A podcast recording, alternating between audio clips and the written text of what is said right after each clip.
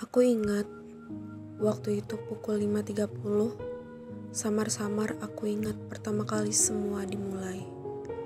Inilah awal dari kisah kelamku hingga SMP Semua dimulai saat itu.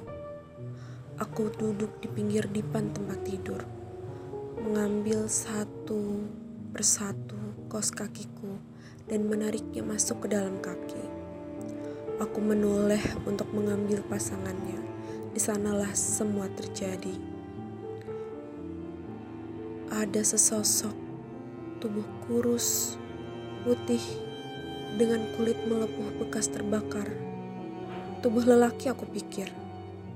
Sekilas, hanya sekilas, tapi semua terekam baik dalam ingatanku karena tubuh itu berdiri dan berjalan tanpa kepala dan melaluiku begitu saja. Pagi yang hangat berubah sangat mencekam karena ini adalah awal mula dari aku yang bisa melihat hal-hal tak kasat mata.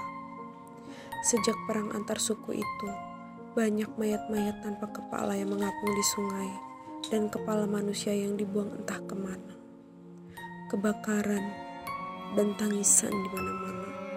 Itulah awal kisah dari semuanya.